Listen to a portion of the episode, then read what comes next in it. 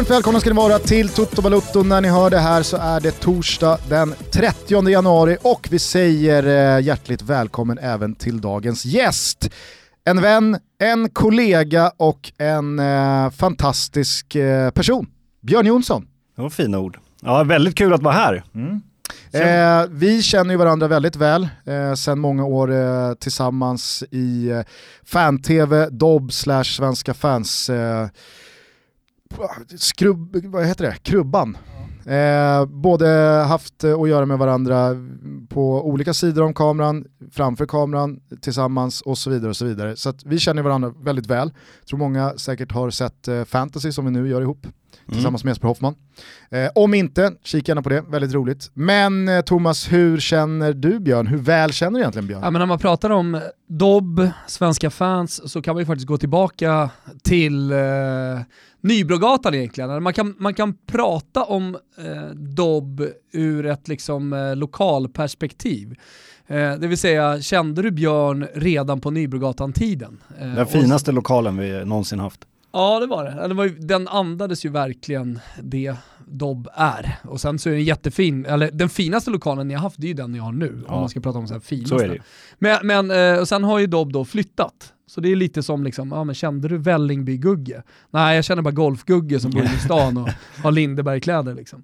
Eh, så, Kanske den finaste Gugge. Ja, jag vet inte. Det dök upp hårdrocksgugge dök, dök upp igår. Vi var på Oj. Cirkus och, och skulle reka lite inför att vi ska göra en turné i maj, vet du det Björn? Ja det vet jag. Ja, och då ska vi till åtta städer. Ni har sålt slut cirkus. typ allt. Ja, det finns kvar. Mal Malmö, Stockholm tror jag finns en hel del, men det är största arenor också. Men Cirkus kommer ju bli ruskigt fett, så det är viktigt för oss att gå dit och reka och känna på det. Så var vi där med Live Nation och, och folk och sådär. Då, då, då hade vi ljudkille med som, vad var han? Han var kusin med Keith Kutchuk. Äh, barnbarn. Barnbarn. Herregud. Thomas låtsades som att han låtsades, var liksom... jag vet vem Keith Kutchuk är. Sluta nu. Jo men om du vet vem Keith Kutchuk är så vet du väl att en ljudsnubbe som såg ut att vara typ 30 bast knappast är kusin med Keith Kutchuk. Nej, var han 30 bast? Ja, ah, okej. Okay. Alltså jag skulle säga 50. Ja. Skitsamma. Eh, Sjöng Gugge då eller? Fan vad lång den här historien blir. Uh, nej, jag skulle bara säga, och Keith Kutchuk verkade på 80-talet. Då kom vi in på hårdrock och då dök plötsligt hårdrocksgugge in eller upp ska jag säga. Eh, och man har ju liksom stött på en jävla massa olika guggor. Det är hiphop-gugge och det är slakta jätter i Afrika med Ken-gugge och orten-gugge och sen golf-gugge. Det finns ju många. Fotbollsgugge mm. sitter ju här. Tjena fotbollsgugge. Tjena. Ja, eh, men då dök liksom hårdrocks-Gusten upp. Det var, det var en person som jag aldrig hade träffat tidigare och jag tyckte att det var väldigt speciellt. Vad skulle jag säga med det? Jag vet inte. Nej. Jag är här. Jag vet inte riktigt. Nej. Du skulle landa i hur du känner Björn. Alltså, ja just det, det, det blir ju ofta så. Fan, Björn, det handlar om gästen. ja, det är du som Nej är. men det kan väl du vittna om också Björn, att när man är i liksom Dobb, tidigare fan-tv-bubblan, så kan man ibland kanske, som du och jag som är mitt i många program, mm. eh, tro att alla känner alla. Men 08-gänget för många är ju liksom Eurotalk-gänget, det är ju främlingar, de, de springer aldrig på varandra. Men man tänker att alla är väl polare, alla känner varandra superväl. Exakt, så är det. Och eh, jag träffade ju Thomas, stötte jag på ganska tidigt när du var med i, i Eurotalk. Du var ju med ganska ofta i, i Eurotalk. Mm. Och, och, och satt jag ersatte det till Birro, sen så blev jag väl någon slags stående ja. efter ett tag. Eh, så att, eh, det var jävligt häftigt och sen blev ju du och jag Gusten kollegor, det var ganska länge sedan. Eh, vi blev det. Så vi, vi, har ju jobbat... Sju år sedan. Ja, ja det, är helt, det är helt sjukt. Eh, så vi har ju jobbat tillsammans eh, jäkligt länge eh, på, på olika sätt. Men, men så är det ju verkligen. Det finns ju liksom jag tror att många som tittar på våra olika format, att det är, jag tror att det är ganska många som är så här, men jag kollar på Eurotalk mm. och, och, kanske vissa tror jag kollar på egentligen allting, men det finns nog många som så här, kanske aldrig har sett ett 08 avsnitt och tvärtom. Ja, man är inte avsnittsbunden, ja. men man är intresserad Nej, så av... Så både tittarna och även alltså, de som gör programmen eh, kan nog liksom skilja sig åt ganska mycket. Du eh, nämner ju ett program här som jag tror ändå är eh, go-to-programmet eh, när det gäller dig. Även fast vi gör fantasy-tv ihop och du är en stor och betydande del av 352, både podd och tv, så är det nog väldigt många som förknippar dig med 08 Fotboll. Denna institution eh, gällande de tre Stockholmsklubbarna AIK, Bayern och eh, Djurgården. Eh, vi har fått väldigt många frågor om det och det är mm. väl många som frågar er också om det. Vad händer, så har vi bara det avhandlat, vad händer med 08 här nu inför den glödheta säsongen 2020? Förhoppningsvis drar vi igång eh, snart, men det man ska veta om 08, och det, jag kan förstå att många utifrån inte har koll på det här och det, det kan verka rörigt, men det är att eh, Dobb eh, äger inte formatet 08. Eh, vi äger eh, Eurotalk och, och eh, ja, 352 och sådär. Eh, 08 tillhör ju Eversport Media Group eh, som äger svenskafans.com. Back in the days så satt Svenska fans och Dobb tillsammans, men det var ägarstrukturer som byttes. Är det även Fotboll Direkt? Som Nej, exakt, och Hockey-Sverige och sådär. Eh, Riktigt de... uh, mysko-sajter det där. ja. ja men det är ju Lelle Sandahl och gänget som håller på. Ja. Mattias Lyr och gänget. Ja, Lelle är ju Lelle är skarp. Jag gillar eh, alla de där killarna, jag bara de, raljerar lite här. Eh, men de äger ju 08, så att det, de producerar ju 08 till Eversport kan man säga. Eh, och det är kanske inte alla som har koll på det, så då är det ju liksom, eh, ja för varje år så är det så här, okej okay, hur gör vi det här året? Och då ska man komma överens och, och sådär. Så, så det, det är som en liten rättighet kan man säga. Ja, och sen så tror jag också en stor del som ligger bakom ifall program görs eller inte och som också många kanske glömmer eller inte tänker på, det är ju att det ska finnas pengar för det, ofta från då eh, annonsörer. Eh, ibland finns det mycket, ibland finns det mindre man, man kan inte bara skjuta ur sig program för att det är kul och att man vill göra det. Det ska finnas en ekonomi i det också. Nej, precis. Och eh, jag är inte involverad i, i, i det där kruxet i, i bakgrunden, utan jag gör ju, jag gör ju bara programmet liksom. Eh, och, eh, så att, men det, det, det brukar eh, alltid lösa sig, så att jag väntar bara på att nu, liksom startknappen, att nu kör vi. Ni är redo? Ja, ja alltså det är ju grejen att Stockholmsbollen är ju, den har väl kanske Alltså, man brukar ju säga den här eh, klyschan att allsvenskan har aldrig varit hetare det säger man varje år. Men Stockholmsfotbollen är ju så, den, den har ju liksom legat och bubblat. Den ökar ju hela tiden, ja, den man, man, kan ju definitivt man kan utveckla den och säga att den har aldrig engagerat fler personer. Ja, så och så mycket som den engagerar de personerna som är i också. Det känns ja. som de redan passionerade har blivit ännu mer passionerade. Och så dessutom så har det vält in en massa mer. Alltså, det blir ju så när en sak blir trendig. Vi, vi lever ju, speciellt i, i det här landet, är det hamburgerrestauranger som man ska gå på? Ja men du vet, när Flipping Burger och Bastard Burgers och allting kom. Ja men då, då var det liksom en stor trend och så blev alla helt tokiga liksom, i det. Nu är det pizza, liksom, stenugnsbakad pizza. Mm. Vår polare Tobbe Wimnell ska åka ner till en jävla skjul i Falkenberg och vänta i liksom fyra timmar ja, ni, innan han får sin ni, slaktade den. pizza. Nej men det, nej, vi slaktade grejen med ja. att du, du ska hålla på boka en tid på ett, i ett skjul och äta en pizza i mm. Falkenberg i, liksom, tre månader innan. Nej, själva den ligger ju inte ens i Ulricehamn, men han ska ändå åka dit, precis som alla. Jag har en polare i Halmstad, Christian Grasselli, som dessutom är italienare, som borde vara chill liksom med pizzor. Han håller också på med den där, lilla Napoli. Eh, man blir så trött. Men i det här fallet så är det jävligt kul, för att nu, nu har det blivit då en liten masspsykos kring allsvenskan och alla ska in i den, även de som kanske inte har varit så här jättefotbollsintresserade, alternativt då de, kanske, de som har varit intresserade av ett internationellt lag, vill liksom hitta in i allsvenskan. Och det, det är det vi lever i, det, det är den energin liksom som, hela, som grundar liksom det stora intresset. Ja. och det, det, märker vi ju av, det märker jag av, det märker ni av eh, och det är ju sjukt roligt. Eh, så jag är ju svintaggad. Ja, för jag menar, alltså, det, det, det, kanske, det kanske är folk som känner att ja, men vad fan, AIK och Djurgården och Hammarby har väl alltid varit stora klubbar som har dragit mycket intresse kring sig, men det här är ju första gången, i alla fall i mitt liv, som alla tre mår riktigt bra sportsligt samtidigt. Alltså i slutet på 90-talet när AIK skördade framgångar, ja, då hade Djurgården och Bayern det tufft. När Djurgården och Hammarby sen vann fyra SM-guld på fem år, då åker AIK ur. När AIK sen eh, kommer tillbaka och vinner guld. Fyra SM-guld på fem år, var det så många? Bayern vinner 01, Djurgården vinner 02, 03 och 05. Så det är fyra SM-guld på fem år. Eh. AIK vinner SM-guld 2009, då åker Hammarby ur och spelar i Superettan sen i fem Och Djurgården år. var nära Djurgården, på att har, åka ur. Djurgården har kanske den sämsta upplagan truppmässigt i två, tre år där. Som Men jag var nyckelspelare då? Var det, var det Raja Laxo-tider eller? Ja, men det var ju André Komac och Ja. ja. Micke Dahlberg och Just det, Patrik Micke Haginge och... Ja, herregud, det, var, det, var, det är helt sjukt att man... Janne Tauer var liksom Och jag- kult. Ja, och jag vet ju att man... Janne Tauer, jag- kommer ihåg det. alltså, Enrico. Enrico spelar ju jag med nu för tiden. när Janne, Janne. Tauer gjorde sin första trän... Han provtränade ju med Djurgården. Och så var det, det var på den tiden man körde träningsmatcher på Stadshagen. Eh, och han får dit en sån jävla träff. Han sätter bollen rakt upp i krysset. Som Vem då? Eh, Janne Tauer, Ah, okej. som vänsterback. Och alla var ju bara, ja ja men det är bara att signa. Alltså det där det är som klass. Och sen vart han ju en jävla profil, men ja, vilka Det där skottet gjorde han två gånger, bara- första och ja, sista. Bara för att liksom återuppleva eh, de regerande mästarna Djurgårdens startelva från för tio år sedan, bara liksom på volley.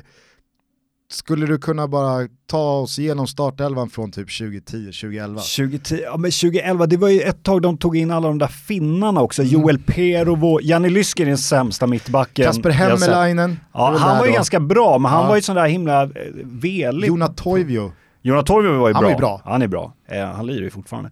Eh, men alltså Janne Lysk, då är jag ändå halvfinn och säger det här. Alltså det är den sämsta mittbacken jag sett. Eh, alltså, det är information som inte 2000-talet. jag hade innan, att Björn Jonsson är halvfinne. Nej. Jag vet inte hur jag ska hantera den riktigt. Ja, nej, Vad är ditt finska namn? eh, min mamma är ju... Björn. ja, exakt. Med P. Björn. Björn Jonsson. Ja, men det finns ju ett efternamn här. Ja, eh, min mamma är ju från Åbo och hennes familjenamn är Letti. Björn Lätt. ja, exakt. Alltså, vi sitter vi och skrattar här. Nej, jag tycker det är ganska det, det fint ändå. Ovänt, det var oväntat, Björn Letti. Ja. Ja. Nej men vad va, va, vad har vi då? Vi har eh, Padembo Toray i mål. Ja, exakt. Jag, jag har så jäkla dåligt minne. Jag försöker, det är jag alltså försöker så här- förtränga allt det där. Det är Haginge, Janne Tauer på ytterbackarna. Ja, Johannesson lirade ju.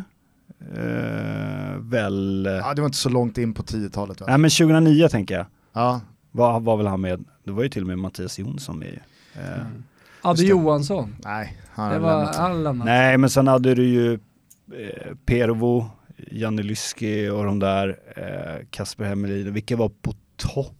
Vad hette han? Felix Magro var väl Ja, eh, det var en favorit den till mig. Ja, han var ju jävligt, han såg jävligt så här Ja. sexig ut. Alltså, Schweiz-italienare också, det, det var ju lite... Här, här, är, det- här är klass på grejerna. Ja. Men så var han, han var inte så bra. Nej han var inte bra, han lirade inte så mycket heller. Och så Micke Dahlberg, Oremo kom väl senare. Ja, Micke Dahlberg spelade ju även, det var ju helt sjukt ett tag där, jag tror att det var under Jan, André Jäglerts tiden. Mm. Då var ju alltså Kebba var forward, Kebba Ceesay, Micke Dahlberg var mittback.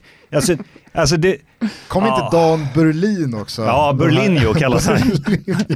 ja, det är Dan så, Berlin det är hoppade så, in i något derby och gjorde någon snurrfint. Det var Ja. liksom det var det enda som krävdes för att så här, shit, Berlin. vad heter Stoltz också, vänsterbacken där. Ja, det var så sorgliga fotbollsspelare, det är Men helt nästan så sjukt. Daniel Hesser hade gått in i det där laget. Ja, det, nej, Och men det, det, var, det, var, det var så otroligt svag upplaga av Djurgården, men de låg ju ändå i allsvenskan. Bayern harvade på i superettan. Eh, så att sen, det är, ju, alltså så här, det är ju först nu, de här åren, AIK vinner guld 18, Djurgården vinner guld 19, Hammarby är kanske ändå den klubben som sett över de här två åren har liksom mest vind i seglen vad gäller liksom, eh, framtidstro och entusiasm. Och jag har i alla fall känslan av att utifrån så pratar folk mer om när Bayern tar guld än att Djurgården har jättegoda möjligheter att försvara ett guld. Alltså så här, Mm. Förstår du vad jag menar? Det, det, det är mycket mer bayern hybris och att guldet är bara en tidsfråga. Eh, än att liksom man verkligen tar Djurgården på allvar som en guldkandidat det här året och nästa och, och så vidare. och så vidare. Ja verkligen, de är nästan som en alltså, regerande mästare, lite underdog eh, och ändå behållit hela truppen. Men det var ju också en överprestation eh, förra året och det var framförallt tränarna som gjorde ett så jäkla grymt jobb och, och eh, jag tror att Djurgården kommer göra en riktigt bra säsong. Lite underskattad trupp också, eller hur? Ja, kanske. Eller alltså, då, i och med att de, de blir rätta så, så var det väl det. Men eh, eh, absolut är det så med Bayern och jag tror att det är också, det är ju bara en tidsfråga innan de vinner sitt, sitt andra guld. Alltså det, det kommer ju snart. Eh, sen om det kommer i år får vi se. Det är ju lite, det är lite oklart vad Malmö står med, alltså en känd tränares med tanke på hans spelar, alltså bakgrunden som spelare. Men som tränare är det ju lite oklart vad, vad han är för någonting och hur bra han är. Men Malmö står ju alltid där som, som favorit. Och så finns det ett AIK som man inte heller har koll på för de börjar spela på ett nytt sätt. Eh, så det är lite svårt. Bayern och Djurgården vet man ju på något sätt lite vad, vad det är för någonting. Mm. Tänkte bara lyfta in ett litet ord från vår eh, sponsor Betsson här. Eh, de vill då hälsa att Malmö FF är favoriter till eh, 2,75. Hammarby tvåa då på 4,50, Djurgården fem gånger pengarna. Så att, alltså, där är just nu topp trio. Så Djurgården har lägre odds än AIK? AIK åtta gånger pengarna. Och det måste vara första gången på... Sämsta spelet man kan ta just nu måste ja. vara IFK Norrköping till tio gånger pengarna. Själv har jag ju som alltid spelat IFK Göteborg då, 20 gånger pengarna får jag här. Laxen 20. lagd. Lax. Betsson sitter på och gnuggar. Tack!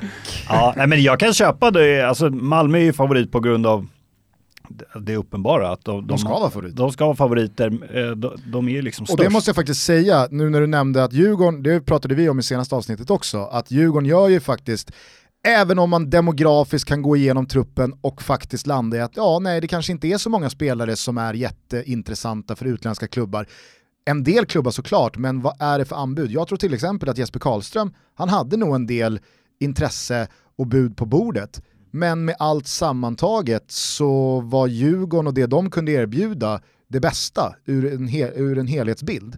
Eh, och där tror jag att ganska många av Djurgårdens spelare var i det läget. Men det går ju ändå inte att säga någonting annat än att det är otroligt att svenska mästarna behåller hela sin trupp så när som på Buya Turay som ersätts av Kalle Holmberg som vinner allsvenska skytteligan 2017 mm. tillsammans med Mange Eriksson. Man drar in 20-25 miljoner på en spelare som redan har lämnat och man har Erik Berg snart tillbaka i träning. Det är ju kanon, absolut. Men så läste jag igår en jättefin intervju som Mattias Larsson på Kvällsposten hade gjort med Marcus bra. Rosenberg. Läste ni den? Nej, jag har inte När alla andra drog, drog, till Marbella så drog han till, till paddelhallen som Rosenberg I Höllviken. och pratade med honom om så här, hur mår du nu och hur känns det nu när krutröken har lagt sig och 2020-säsongen är uppstartad. Och då, pratade, då nämnde han faktiskt en sak som inte jag heller hade tänkt på speciellt mycket, att okej okay, Marcus Rosenberg, och det är inte vem som helst såklart, men utöver Marcus Rosenberg så har Malmö för första gången, alltså de har tappat en spelare in i ett eh, nytt år och det är ett jävla bra lag de hade. Vad kan, alltså, även fast man byter tränare och Jon Dahl Tomasson kanske är oprövad och ett, eh, liksom det, det, ett chansningskort, men att som Malmö få behålla det laget, minus Marcus Rosenberg, som såklart är ett jättetapp, det tror jag också talar för Malmö. Ja, verkligen. Eh, sen är ju inte Marcus Rosenberg vem som helst att, att tappa. Det blir jäkligt intressant att se hur, hur de hur hela truppen Eh, reagerar och vem som tar för sig och det, vi minns ju det där lite fejden som var med Molins och Rosenberg om vem som skulle ha binden och, och, och så vidare. Eh, sen tar de ju in Isak Kiese eh, som har varit i Malmö också tidigare så att han är ju liksom hemma på något sätt. Eh, så att nej absolut, det, är, det är jäkligt starkt. Men det säger kanske någonting om eh, marknaden också att det är, ja, det är ett eh, speciellt år för, för svenska spelare, inte kanske så lätt att sticka utomlands. Även om det, det finns ju alltid de här liksom arabländerna, du kan dra till Kina som Djurdjic gör eller och, och, sådär. Men om du vill gå till de bra ligorna. Sen å andra sidan har du Sebastian Eriksson som säger emot det för att han kan lösa Genoa. Men det ja, var ju Där var det ju väldigt undantag. speciellt, alltså den värvningen, vi kan väl bara ta den ja, kort eftersom det är många som har frågat. För att eh, eh, vad heter Marocko. Eh, som... Han har haft sportchefen i Cagliari Exakt, ja. och han, eh, sportchefen älskar Sebastian Eriksson. Ja. Så när han var i lite kris, behövde den spelartypen, då liksom ploppade Sebastian Erikssons namn upp och såg att så här, fan är han hyfsat ändå hel och fräsch? Ja, det verkar han ändå vara. Då, to då tog han honom, för han vet vad han får. Men behöver han verkligen den spelartypen? Uppenbarligen eftersom sportchefen ville det. Jo. Det är inte så att han tar eh, Sebastian Eriksson liksom, out of the blue, om det är inte så att han har pinpointat den rollen ska vi ha.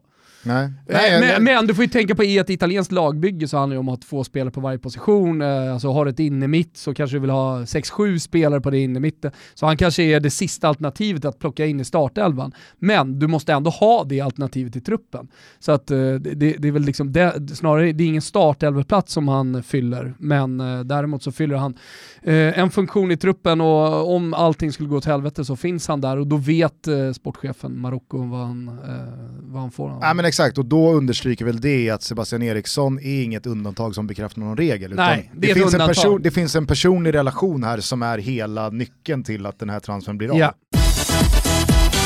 Men du, vi kan väl återkomma till eh, allsvenskan och eh, den svenska fotbollen vad det lider. Jag tänker att vi, vi städar av en snabb faktaruta. Ja. För de som inte har stenkoll på vem Björn Letti är. Exakt. Ja, men nu för tiden har ju vi 150 000 lyssnare i veckan Björn. Så Ja. att det, det är ju många som Det inte var är precis från det jag Stockholm. tänkte, nu kommer ju alla de börja kalla mig för Björn Letti. Ja exakt. det kommer, ja. Okej, jag så kom på, fullständigt namn. Ja. Björn Letti. Vad är, Det vad är det fullständiga namnet? Det är Björn Letti. ja, förutom det då så är det Björn Bengt Filip Jonsson. Just det. På, eh, det här vet jag efter år eh, tillsammans. Vad ska du säga Nej, men nu i, Gustav? i, I passet har du två S, men det är ett S i Jonsson. Ja, ja exakt. Eh, jag har faktiskt äntligen skickat in till Skatteverket att de ska ändra det. Det var min, min farfar som eh, han, han, han krängde skrivmaskiner back in the days. Eh, och han eh, det här tyckte- gillar Thomas. Han tyckte att det skulle låta lite ballare, han blev någon slags här, kunglig hovleverantör att kränga skrivmaskiner. Artist i skrivmaskin. Ja, exakt. Försäljningsbranschen. Och då var det lite så här, han det är ha- de artisterna jag gillar mest. Det, Det ska låter vara- som en Filip och Fredrik-karaktär detta. Ja, men det ska vara lite coolare eh, namn då. Då ville han ha den där amerikansk klingande Johnson då. Så han bytte då till J-O-H-N-S-O-N från Jonsson, det vanliga J-O-N-S-S-O-N. Men sen har det där liksom inte följt med eh, med Skatteverket. Så jag har haft det gamla i passet och sen har jag inte orkat göra nå- någonting åt det. Men nu ska jag faktiskt, nu har jag skickat in. Och det är ju gratis att bara ändra ett efternamn som är typ detsamma. Så att snart får jag svar då. Men vad roligt, då har vi liksom finska eh, Pierletti och Mm. sen så har vi Bj- Björn Jansson eller bara Björn Jonsson. Det, man Ja. väljer, väljer fritt. Ja, exakt, liksom. man får välja. härligt, Jag måste bara liksom skohorna in en liten minischnitzel till Skatteverket som jag förra veckan såg slog ner på ett Ska föräldrapar. du, ska du skicka in schnitzel till Skatteverket? Ja. Eh, Jag protesterar. Nej, men förra veckan så såg jag bara en artikel att Skatteverket hade slagit ner på ett eh, föräldrapar som ville döpa sin nyfödda dotter till FIS. Och då tyckte jag såhär, bra, Nej, fisen. FISen, Ja. Ja. bra Skatteverket. Ja. Alltså någon jävla måtta Ja, exakt. vara. Stackars barn. Ja, men lillfisen fes i mycket, hade gaser i magen hon var Ja, men det är som så här, Käften på pa- dumma föräldrar som vill ju döpa sin unge till Hitler och så här. Det kom ju ett så här, Skatteverket sk- postar ju alltid, så kommer post och stod det bara liksom, i, i, i, så här, stjärnor, stjärnor, stjärnor, stjärnor, sen så då eh, fritext. Håll käften på er era jävla idioter och sen stjärnor Ja. igen. Bra Ja. gjort. Nej men så det är säkert någon på Skatteverket som lyssnar på Toto. Stå på er, bra. Ja. Inga jävla fisar. Ja, bra jobbat. Eh, ålder. Eh, 32. Det är många som har hört av sig här nu när vi har annonserat att du ska gästa oss, som undrar hur fan du gör för att inte åldras överhuvudtaget. Jag vet. Ja, det är ju många som tror att jag är yngre än vad jag är. Du lägger ju fortfarande på systemet. Nej, det deppiga är där, jag går ju ofta till Systembolaget i Fältöversten då, som är nära där jag bor. Och eh, då efter ett tag så, har de ju då känt igen mig. Det är ju också lite så här deppig känsla på ett sätt. Man känner sig lite alkad om man så blir igenkänd på Jag systemet. älskar det. Kan Men- ju också hänga ihop med att du syns. Finns ju ett, Ja. Men, så där, där, men det var inte så länge sedan faktiskt på och så mataffären där jag går och handlar. Och så, eh, i, period, Bull I perioder så snusar jag. Ja. Och så var det en av tanterna då, när, när så här självskanningsapparaten där och så, då blinkar den ju rött när det är ja, tobak då. Så då får man vinka in och bara kan du bara klicka okej? Och då var hon så här, eh, ja men lägg. Jag bara, då, då konfronterade jag henne, jag bara, "Så du tror att jag är 17? För det är det du måste tro då. Hon bara, nej men man vet aldrig. Jag bara, ja. alltså att någon misstänker mig för att vara 20, det tycker jag lite, det kan vara lite skönt. Men 17, det är lite deppigt. Ja. Mm, verkligen. Eh, hur skulle din bästa vän beskriva dig? Som eh, gans, eh, rolig och eh, pålitlig, tror jag. Bra. Kort och gott. Tyckte du det var rätt eller fel av Helsingborg att kicka Sören Kratz efter dennes förvisso alldeles för långa men också fullt begripliga ärevarv på Söderstadion 2002? Nej, fel. Det var fel. Ja, det är Spännande. klart han skulle få göra det där. Var är hemma för dig? Stockholm, Stockholm innerstad. Ja, du, är inte, du är inte orten du. Nej, det är jag inte. Vad är längsta ut i orten du har varit? Kungsholmen. Du har inte varit i Vällingby? Jo, men jag har varit väldigt lite där. Har jag varit. Du är Men- otrygg. Du är otrygg när du skulle till Grimsta. Ja, och se Djurgården svårt, spela mot svårt BP. att hitta. Nej, jag har rört mig väldigt lite i, i, i, I för, förorterna. förorterna. Ja. Eh, vilket eller vilka lag håller du på? Nej, det är ju egentligen är det bara ett och det är Djurgården. Sen har jag haft sen jag var liten att Arsenal blev mitt lag i England men det går inte liksom att jämföra. Jag, jag, jag gråter ju inte när de torskar en match eller liksom jag, inte lik, alltså jag har inte investerat lika mycket känslor i, i Arsenal på samma sätt. Men jag, det är liksom sen jag var 11 typ så började jag hålla på Arsenal eh, och det är liksom, ja, det är ju mitt lag i England men det är inte alls samma sak. Hur skulle du eh, beskriva din relation till Djurgården och hur den har förändrats under alla år som du också har jobbat med att vara programledare i ett program där det förvisso är helt okej och uttalat att man håller på ett lag och att man ska hålla på ett lag, men som du också ska inom citationstecken granska eller i alla fall förhålla dig objektiv till och kunna liksom eh, vara, vara negativ till. Och det är ju många som har också då eh, uppmärksammat oss på eller frågat om att varför är han alltid så hård mot Djurgården? Mm. Men då, vi gick igenom upplagen av Djurgården de senaste åren. Djurgården har ju också varit piss ganska många år. Det här året, eller 2019, då var de ju, då var de ju riktigt bra. Mm. Och då, alltså, då sa jag ju det också. Men de, Djurgården har ju varit efter framförallt AIK de senaste åren. Eh, så det är ju inte så konstigt heller att man plussar AIK som har varit eh, ett topplag väldigt länge, alltså de senaste tio åren. Eh, men, men eh, ja, mitt sätt att liksom Har du svalare känslor för Djurgården idag än vad du hade för tio år sedan? Just för att du också jobbar med det. Nej, det skulle jag nog inte säga. Men jag har kanske lite lättare att hantera när det går dåligt. Eh, jag blir väldigt glad när det går bra för Djurgården, men när det, de här liksom, till exempel derbytorskarna så här, det, det, de, visst, de, vissa är tyngre än andra, men rent generellt så har jag haft lättare att skaka av mig förluster och mer liksom försöka vara, tänka lite nyktert på det. Eh, men jag blir- samtidigt lika glad när det går bra för dem. Hur, eh, hur upplevde du, eh, var det andra november? Ja. Första november? Andra Ja. november? Hur, hur var den dagen för dig som djurgårdare? Nej, det är den eh, absolut sjukaste alltså, fotbollsdagen jag upplevt. För Eh, du var, faktiskt. ändå, du var ändå 18 när de vann 25. Ja, och jag var nere i Halmstad 20, eh, 2003. Så Eh, de gulden liksom upplevde ja, du ändå. och det var ju speciellt. Jag, jag var inte nere i Borås 2002, då, då, då var jag hemma i Stockholm. Men jag var nere i Halmstad och det, det var jävligt speciellt. Eh, men det här, alltså så som matchen blev och så allt som fanns i potten inför att det var ju faktiskt att Hammarby kunde ju vinna SM-guld. Malmö kunde vinna SM-guld. Och så ligger man under med 2-0 i paus. Och jag, och såg mina polare... Jag, jag såg den här matchen med Jesper Hoffman och Kristoffer Kviborg, två Ja. väldigt stora aik -are. Jag har aldrig sett dem så glada Nej. som när Norrköping gjorde 2-0. Nej, och jag och mina Fy fan polare... vad de skrek alltså. Vi De har varit gladare. Vi pratade i paus att om de gör 3-0, då, då drar vi hem. Alltså då drar vi direkt. Eh, och jag, bara, och jag liksom stod där och svor att det är så jävla typiskt. Att det är liksom, det är upplagt och det är ju, det är ju inte så ofta man liksom får uppleva ett SM-guld om man inte håller på hade ju Malmö. varit lite under hela året också, att äh, men de kommer ju tappa det. Och så, så kommer den halvleken. Just när du säger det är ju så jävla typiskt. Ja, det, var väl, det hade väl kommit till er också, även om ni hade stålsatt er lite mot de, den typen av kommentarer, ni djurgårdare, så hade det väl ändå liksom trängt in i er ändå att jo men vi kommer nog tappa det ändå, eftersom alla pratade om det på det sättet. Ja, exakt. Och sen när det blev sådär, alltså den pyspunkan det var i, i, i halvtid, det, det var helt sjukt. Och sen den vändningen. Och det var ju nervöst ända in i sista, jag vet när eh, Check trycker ju dit, om det är Pontus Almqvist eller vem det är. Och det blir en frispark i 94. Mm. Och jag menar, knoppar de in den där, då är det kört. Alltså, och det, alltså du vet, det, nej, det var helt, det var helt sjukt. Jag, de sista tio, jag, var liksom, jag klarade inte av det. Det var, det var så nervöst. Alltså jag visste inte vad jag skulle ta vägen. Det var liksom så här, ja, det var nästan, jag var nästan spyfärdig. Så den, den, hela den dagen och sen det allt efteråt, det är, alltså, jag, jag tror aldrig jag kommer att uppleva något sjukare. Det skulle ju vara om Djurgården gick till en Champions League-final, men det kommer jag nog aldrig få uppleva. Men bara några korta frågor på just supporterskapet här och hur du hade velat fördela sakerna. Eh, hade du hellre sett eh, Djurgården åka ur än Hammarby SM-guld? Nej, jag, jag vill inte se Djurgården åka ur. Om du måste ge eh, liksom, eh, guldet till eh, någon av rivalerna, vem ger du dem? Vem ger du det helst till då?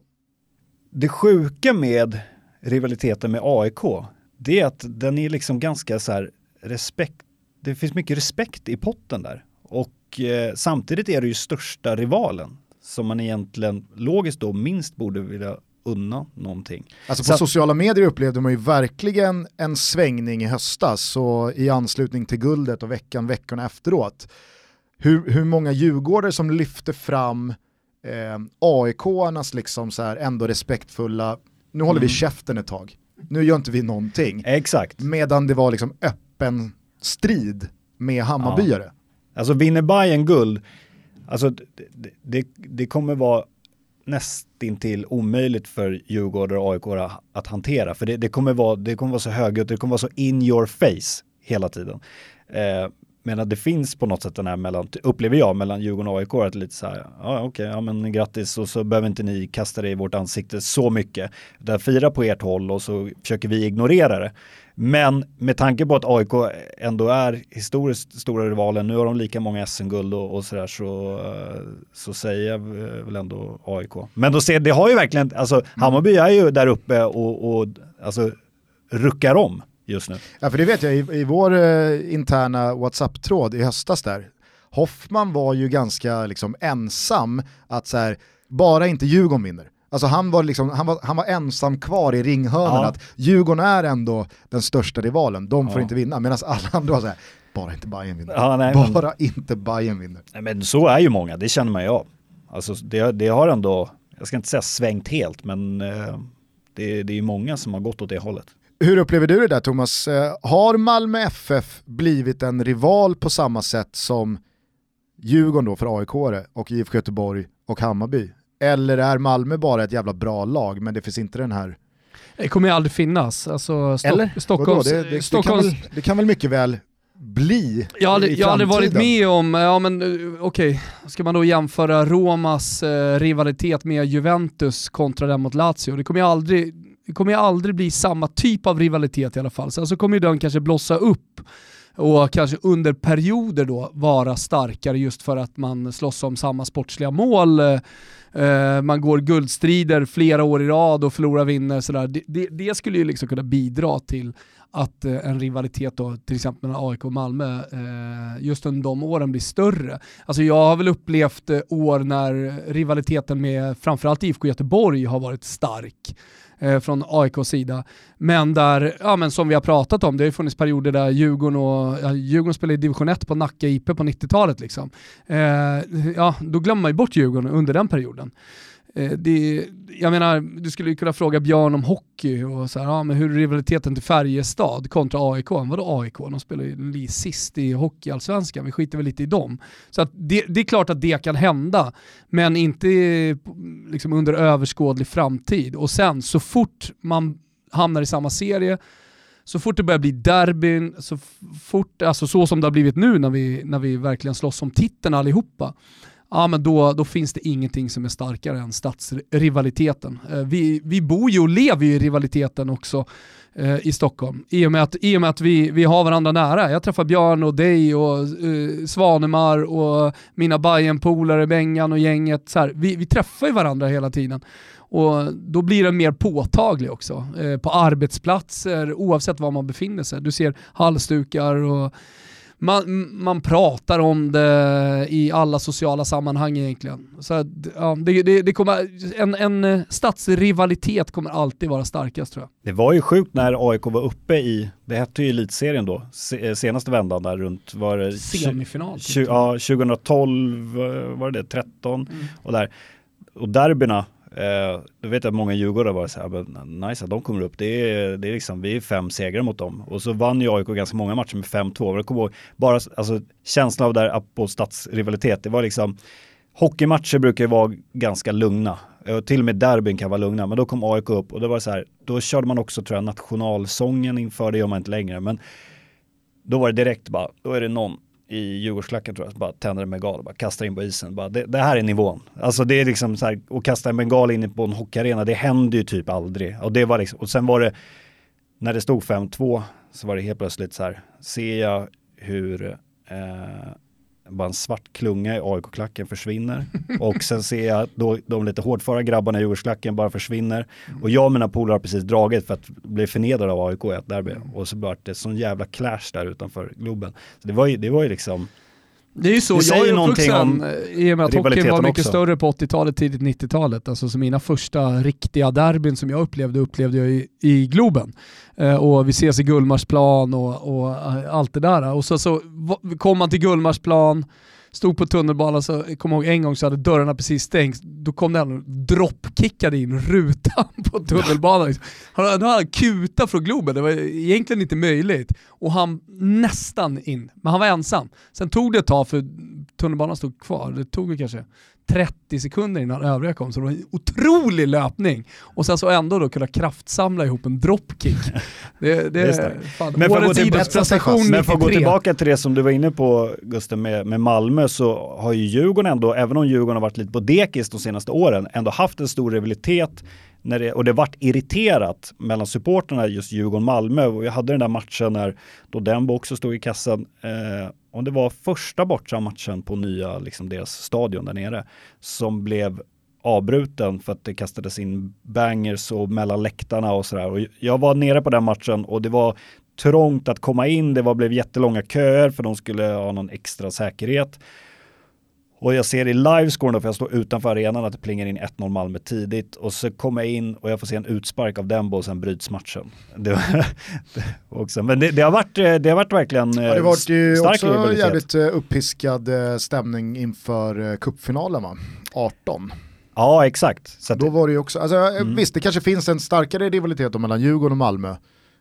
Det vet jag inte, det, det har funnits mycket mellan AIK och Malmö också. Men, eh, det, det är som det, Björn säger också, det situationer kan ju elda en säsong eller ett par ja. säsonger och sen så kanske det mildras. Men så helst av allt då, eh, inte guld till Hammarby. Är det så jag ska tolka dig? Nej, men jag landar nog ändå i eh, inte guld AIK. Ja. Du är old school som Hoffman. Ja.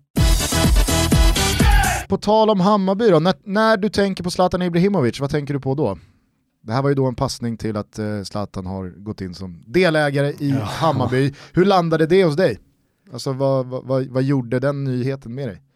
Alltså först tänkte jag lite så här, men det, det, kan, alltså, det kan inte vara sant. Eh, det, det bubblade ju lite små rykten om det där, så man var lite förberedd, men fortfarande när, när det blev liksom så officiellt, att så här, men, vad håller han på med? Sen var det ju framför allt då eh, det här som tog hus i helvete hos många i Malmö, där de här uttalandena om att nej men Malmö, de kommer att vara glada för min skull. Och då är det så här, bara, men är han så frånkopplad från svensk supporterkultur? Förstår han inte hur stor inverkan den har på svensk fotboll? Till skillnad från ganska många andra ligor där, där man lite har tryckt bort eh, inbitna supportrar. Att, alltså, de här alltså, riktigt inbitna supporterna i Sverige, de bestämmer ganska mycket. Eh, de kan få saker att ske, de kan stoppa saker. Eh, så att jag börjar lite så här, men fan, ditt öra mot marken, har du släppt det helt alltså? Men eh, ja, så att sen ska det bli spännande att se vad, vad, vad det blir av det. Ja, ni, hade ju, ni hade ju Jesper Jansson eh, i 352 ja. igår. Mm. Va, vad sa han om om det här? Han var ganska försiktig med, han vill, liksom, det finns ju alltid, alla har ju sån jävla respekt för Zlatan. Man vill inte säga något, man vill inte lägga ord i hans mun, det han får stå för det här, men han har pratat med honom såklart och eh, han var väldigt engagerad sa han i, i, liksom, i, i Hammarby och, och han eh, var verkligen seriös med det här. Så det som alla säger när man pratar kring Hammarby, han är väldigt engagerad i ungdom. Ja, nej det sa han inte och jag bollade upp lite så här, har han, har han hintat någonting om att han kanske, alltså han spelar ju fortfarande. Eh, kommer han, alltså Ja, för det är ju följdfrågan, det, det, kan vi ju vara ärliga med att säga, det bubblar ju liksom och det snackas och man hör rykten och det, det som snacket på stan just nu är lite att Zlatan ska avsluta ett år i Hammarby.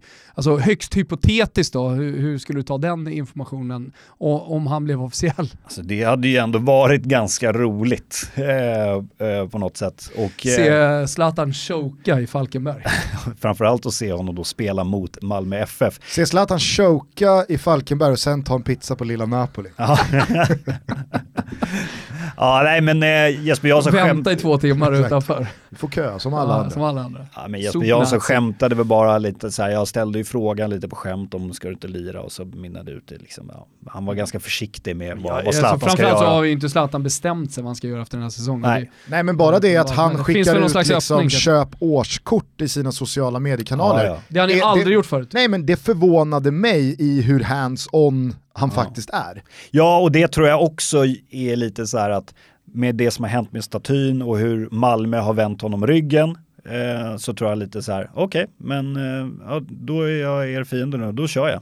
Då får vi se då vem som, vem som vinner i, i slutändan. Så att han triggas igång av liksom, det hatet som har vänts mot honom.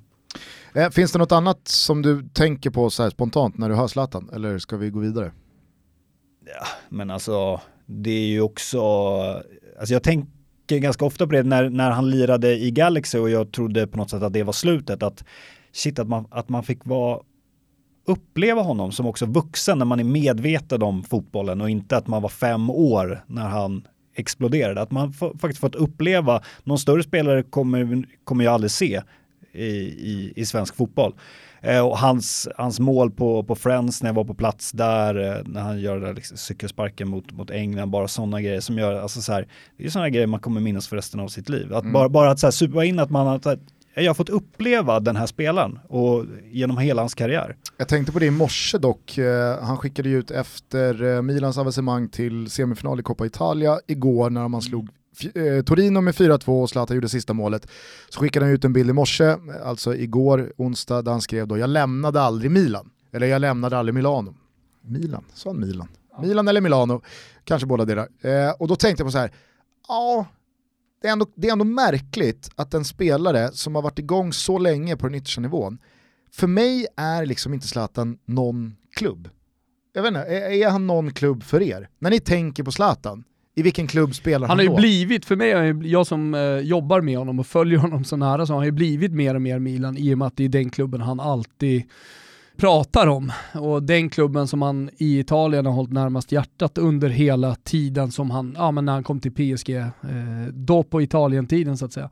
Post-Italien-tiden. Och därför är Milan på något sätt eh, liksom den italienska, eller den klubben som jag tänker på när jag tänker på Zlatan. Men håll med om att det är märkligt att en spelare som har spelat så länge, nu är det ju kanske naturligt det är ju inte där han har kanske varit bäst. eller Nej, jag vet. Jag tänker faktiskt inte. ganska ofta Juventus när jag tänker Zlatan. När han kom dit som ung och jag, jag minns att jag kände ändå någon typ av liksom stolthet som svensk. Att han gick in som ung och eh, även om det var en liten startsträcka när han gick in och bara dominerade i Juventus, att det var jävligt mäktigt. Jag tänker ofta på Juventus faktiskt när jag tänker på Zlatan.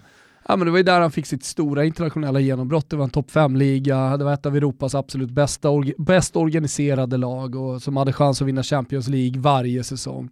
Och han var deras stora anfallsköp. Det gör ju också någonting liksom med, med, med hela grejen med Zlatan. Men hade inte hade inte Calciopoli hänt, eh, Calciopoli hänt, då hade han ju förmodligen varit kvar i Juventus och haft, eh, han hade ju otroliga år i Inter sen under Roberto Mancini bland annat. Eh, som, alltså jag tyckte han var grym i Barca också, även om han hamnade snett så gjorde han ändå 16 eh, ligamål. Och då ska man komma ihåg att han levde under en konflikt med tränaren under hela den säsongen. Det är en otrolig prestation, men när, men när han hade det långa håret och var solbränd och såg ut som en jakthund liksom hela tiden. Det var ju Inter, Barcelona, åren framförallt, slutet på Juve ska sägas också. Är det målbilden för dig här nu när du går in i tryckkorten? Zlatan? Nej, ja, jakt, alltså Zlatans jakthundstorso. Är det så det ska se ut? Ja, kanske. Har du Ja. börjat träna? Ser ut som det. Men du ska börja. Thomas, Alla, alla ska väl alltid Thomas någon hade gång lite börja o- träna, jag tänker inte, jag tänker inte prata om det. Nej, Thomas nej. kände att han hade lite ont i halsen i, i förra veckan så att han ställde in första träningen med Mallan. Men det där är viktigt, man får inte gå ut för hårt i början. Ja, det är en klassiker. Ja, det är tvärtom. Eh, är du team Martin Skertel eller är du team Martin Skrtel? Jag märkte att Husfeldt, Alltså, jag är eh, jag kass vet, på lyssnar på uttal. det här. Jag, jag, jag, Jo, jo men det här är ju mer en fråga så här, vad föredrar man? Föredrar du liksom Husfeldts ambitionsnivå att sätta det lokala, Ja, ja, dialektala uttalet? Eller är du en sån som hellre hör någon säga Martin Skertel? Nej, jag är nog lite mer inne på din eh, banan Gugge, att så länge man fattar vem det är så Mm. spelar det ingen roll. Man måste inte dra det är till ju med det det lokala uttalet. Ambitionslösa svenska, finska liksom, Ja, sättet att se på exakt. saker och ting. Jag är ju team Husfeldt då, men däremot så vänder jag mig Men jag direkt till Husfeldt. Ja, jag ska bara säga det, att eh, jag- tycker att han, han kör lite olika betoning på Det är där du går in på en Under- jävla rasslig väg där alltså. Ja. Och sen kan det ibland... när man- Chesney, det blir liksom Stechny och ibland blir det Stechny. Alltså, jag, jag, Ja, och det- då- jag, då är- jag, han, är- han, han följer inte riktigt det, det syd, eh, sydtjeckiska Ja. uttalet. Så. Alltså jag vill bara säga, jag tycker Jesper Husfeldt är en av de bästa eh, fotbollskommentatorerna där ute. Han är grymt skicklig och, och jävligt ambitiös. Men just när det blir de där uttalen på eh, Chesney eh, och det kan bli, Det- ja det kan bli, och Ronaldo blir eh, Ronaldo, då är jag så här, vem, för en halv sekund så undrar jag, vem pratar han om? Och sen, ja just det, det är målvakten eh, eller det är Ronaldo. Men Jag det är så här, ska man leda uttalsutvecklingen, då måste man ju också ligga i framkant och ha några så här go-to-gubbar. Liksom. Jo. Gervinho Fast var ju jag- tillbaka i Parma, Husfeldt Mm. var tillbaka och kommenterade Parma. Gervinho har jag inte hört på väldigt länge. Eh, Nej. Det var ju i Fotbollskanalen Europa-tider. Ja, exakt. Gjorde mig glad. Ja. Men jag kan, ändå Han tycka att, jag, jag kan ändå tycka att det blir lite löjligt i de här matcherna där Mm. det är så tydligt kring en spelare. Jag, jag kollade, var det förra veckan med eh, Wolves-Liverpool. Eh, och det är liksom så här, absolut, Ruben Neves. Ja. Men alla, de, de 21 andra spelarna på plan, där är det svenskt. Ja, ja, visst. Mohamed Salah och sen så är det Saiz i backlinjen, alltså du vet så här, men Neves. Hur Det är skulle du uttala. Mohamed Salah med lite mer egyptisk? Salah. Det, det, Ja. alltså så här, Ja, bra, Det, finns, väl, det, Ja, finns ju, det finns ju ett mer egyptiskt sätt att säga Mohamed Salah på än Ja. Mohamed Salah. Ja. Det, är, Ja. det tar ju för givet. Jag har märkt att en del kommentatorer säger McQuire. Och sen Är så, det liksom det rätta uttalet? För att han heter väl Maguire? Där gick vi till nästa fråga. verkligen. Eh, för eller emot pyroteknik? För. Eh, ska vi prata lite pyro när vi ändå Mm. har en så liksom, supporter... Vad är det vi ska prata om när vi ska prata pyro? Nej men hur ser du på pyroteknikens framtid här nu när villkorstrappan är här för att Mm. stanna? Väl? Och hur tror du att eh, Ultras eh, delarna av supporterskarorna kommer att svara och liksom tornar det upp sig till ett rejält mörkt moln här eller eh, vad är din känsla? Ja, jag trodde nästan att vi skulle kunna få se någon stor match i Allsvenskan utan bortaklack eller till och med utan publik överhuvudtaget. För det var ju verkligen så här, det, var, det stångades panna mot panna här mellan polisen och vissa supportergrupper. Eh, och jag tror nog att vi, vi kommer få se det ganska snart, att polisen säger, men då gör vi så här, då blir det ingen publik i den här matchen. Och så får ni tycka hur, kul är det. Liksom. Den italienska modellen. Ja, eh, det tror jag vi, vi kommer få se. Eh, men man ska ha klart för sig att de här eh, ultrasgrupperna, de kommer aldrig sluta med pyroteknik. Och de, de, det är liksom, de står ju fast. Sen kan man tycka vad man vill om det, men det kommer vara så. De kommer stå fast vid sina eh, eh, kortsidor och eh, bestämma. Och sen får vi se vart det tar vägen. Men de kommer inte sluta med pyroteknik. Tror du att, alltså så här, tror du att polisen på något sätt kommer backa? Det skulle vara om det kanske... För jag är med på det du säger, Ja, men ja, ja. Det, det, det måste, någonstans måste det ju då antingen braka ihop fullständigt, eller så måste det röra sig åt något håll. Ja. Och det är väl om det kommer in nya röster högt upp inom polismyndigheten så säger det så här, men vänta nu, nu har vi ju trasslat till det fullständigt här. Och eh, kollar vi på eh, all eh, forskning som har gjorts kring eh, beteende och, och supporterkultur så går vi åt helt fel håll. Kan vi inte bara lyssna på de som har, liksom, det har ju gått åt ganska bra håll, gått åt rätt håll i Sverige tidigare och folk har tittat utifrån från andra länder på Sverige. Att, här, men, hur gör ni? Och så tar vi fem steg tillbaka nu istället. Så att jag tror att det krävs att det kommer in lite nya ansikten och röster i, hos Polismyndigheten för att det ska bli någon förändring åt rätt håll. För eller emot VAR? Eh, Jag är emot VAR. Eh, Jag tyckte ju faktiskt att när Serie A och La Liga införde det så blev det ganska bra till slut. Jag tycker ändå att Serie A hanterar det hyfsat. Nu ser inte jag lika mycket Serie A som ni gör, men i Premier League så har det, liksom, det havererat fullständigt. Det man trodde inför säsongen var ju att nu ska engelsmännen visa, de som Ja, är de så brukar bra på att organisera ja, exakt, Nu men- jävlar men det- ska vi visa hur VAR funkar. det är ju Titta på oss här nu, u-länder. Ja, exakt, det är ju snarare att så här, italienarna och spanjorerna, de sköter det ju bättre. Eh, så att, men, ja, Det är i och för sig eh, positivt om man då tänker att VAR ska stanna, vilket ja, det är ju för starka och stora bättre. krafter som står bakom VAR, så det kommer ju stanna. Men att det då kanske blir bättre med tiden. Men det börjar ju verkligen röra på sig vad gäller kraftsamlingar från supportrarna här hemma i Sverige att skicka in motioner till Ja. sina eh, så medlemsstyrda föreningar att vi ska inte ha VAR i allsvenskan. Så Nej, att jag tror ändå att S- Fan Sverige... vad folk lägger tid och energi på VAR, så Ja. jävla farligt är det ändå inte. Jo, Nej, jag tycker ändå det är det inte. Folk, folk, det har också blivit en masspsykos i Sverige. Man ska vara emot VAR. Bara, man ska bara VAR, det förstör fotboll. Jag kan inte titta på en fotbollsmatch, säger folk. Jag tror fan jo, Sverige det kan, man, det kan du visst länge. göra. Du kan visst Ja, det tror jag titta. också. Jo, För- men det är ju för ekonomiskt. ja det precis, det finns ju den ekonomiska aspekten i Sverige. annat vi har inte råd att göra, Annars hade vi infört VAR för länge sedan. Eh, vem från fotbollsvärlden hade du helst velat dela en flaska vin med? Jag ska säga Janne Lysker då. Eh, nej. eh, Sup. Sen sades det inte mer. En flaska. Koskenkorva istället. Drick Björn. Eh, det är så jävla tråkigt att svara eh, Zlatan. Men det, ha, alltså, det hade ju å andra sidan varit kul att Typ göra. ingen har svarat Zlatan. Nej men det hade varit kul att göra med Messi för att han eh, är ju lite introvert och så här men en flaska vin i honom så är det klart att han kommer bubbla upp. Man har ju sett honom liksom smyga ner suspekt pulver i sin egen drink. Mm. Så att det han kanske inte är så jävla tråkig ändå. Ja, men tänk att få liksom Messi att börja öppna upp sig, det hade ju varit eh, asballt. Favoritarena? Stockholms stadion. Som eh, ska hosta allsvensk fotboll igen va? Ja, det är väl inte helt eh, klubbat, men de, jobbar för det. Det är Ja. troligt att det blir så. Varberg. Först, aha, okej. i september. För det är då eh, Tele2 Arena är uppbokad och det, det, är, ju- det är ju Var det någon EM. monster truck? Nej, jag vet inte. Samtidigt så hade det ju aldrig varit på tal om den helgen hade varit liksom, Göteborg eller Malmö. Nej exakt, det eller, blir som bra timing också att det är Varberg. det är en liten klapp på huvudet på Varberg. Ska Ja. Bayern köpa kanalplan då eller? Ja, jag vet inte. De kanske inte drabbas. Nej, jag tror, jag tror inte det. Men, så att eh, ja, jo, men i, i det september så. Djurgården har ansökt om att få spela den matchen på stadion. Jag tror det verkar ju som att det blir av men det är inte 100% klart än. Mäktigaste numret du har i din telefonbok? Du har ju ändå på senare år liksom kommit lite i, i vänsterfilen här och tagit upp eh, jakten på disco och andra silly-journalister. Ja, ibland så. Eh, men jag är ganska långt ifrån disco. Disco är ju liksom non-stop. Han smattrar ju, det kan ju vara liksom vad tio det- nyheter i veckan. Vad var det för jävla älg du fällde här för några veckor sedan? Var det Kalle Holmberg? Ja, Kalle Holmberg. Först av alla? Ja, exakt. Eh, alltså det var kul. Sen, det, det var väl en, så här, för några år sedan då jag skrev att Isaksson är klar för Dj- Djurgården, att när, när han kom tillbaka. Alltså. Eh, och sådär.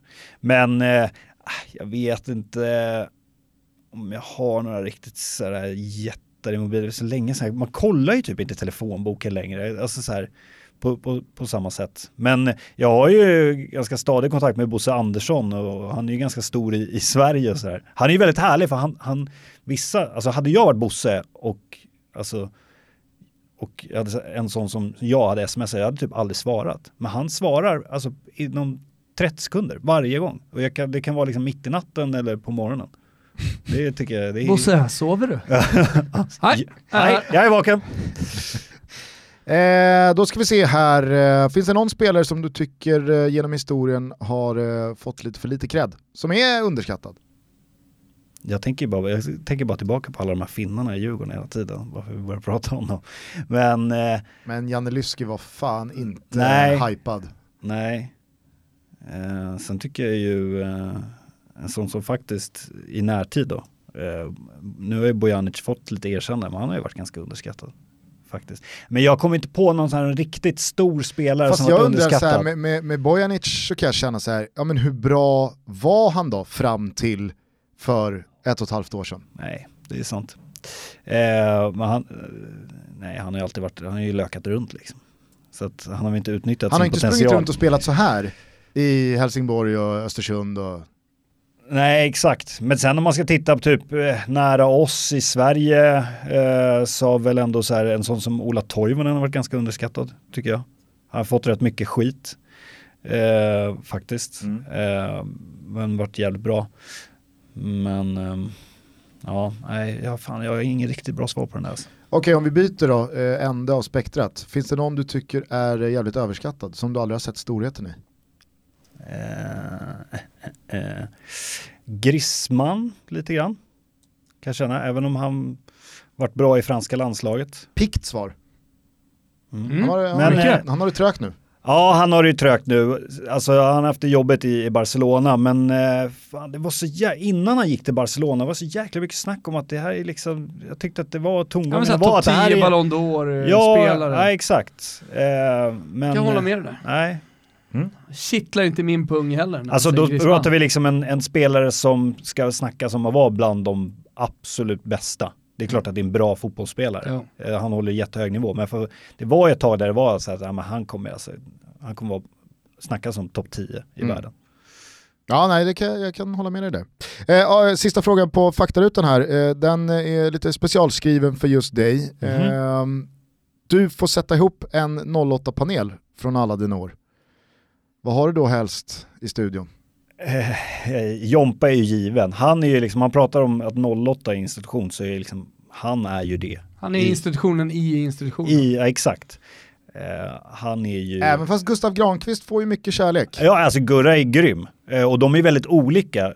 Gurra är ju väldigt så här ostereotypisk bajare. Gurra säger ju vitt, vettiga saker. Ja, nej, men, nej, men, men Gurra kommer dit liksom i kostym och han, han kan till och med så här, när, när alla bajare hyllar en sak, då kan han säga så här, fast det där köper jag inte alls, jag är inte Nej. alls med på det tåget och eh, lite mer, Otrolig ja, pondus.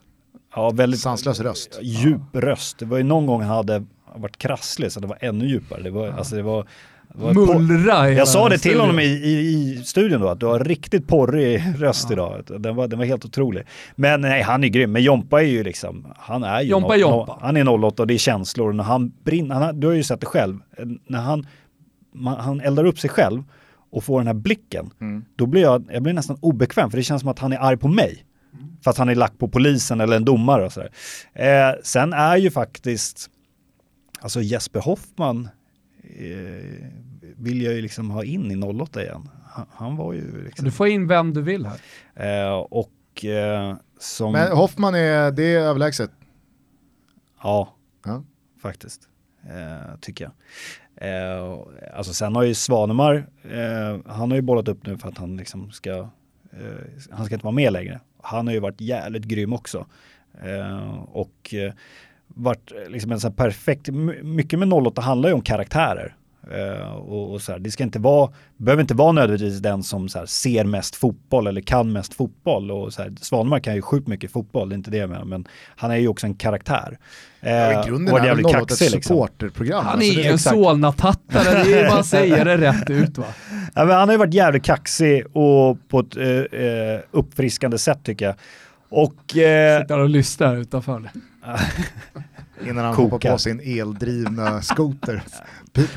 Ja, den har jag sett. Den har jag sett. Den är Ja, gnaget. Han, han är trött på alla p-botar han har fått kanske.